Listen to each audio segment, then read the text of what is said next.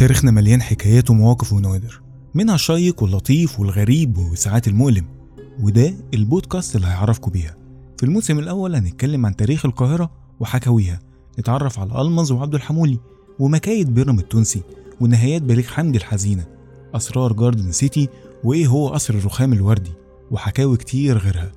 استنوا الموسم الأول أنا محمود نشأت وده بودكاست حكاوي.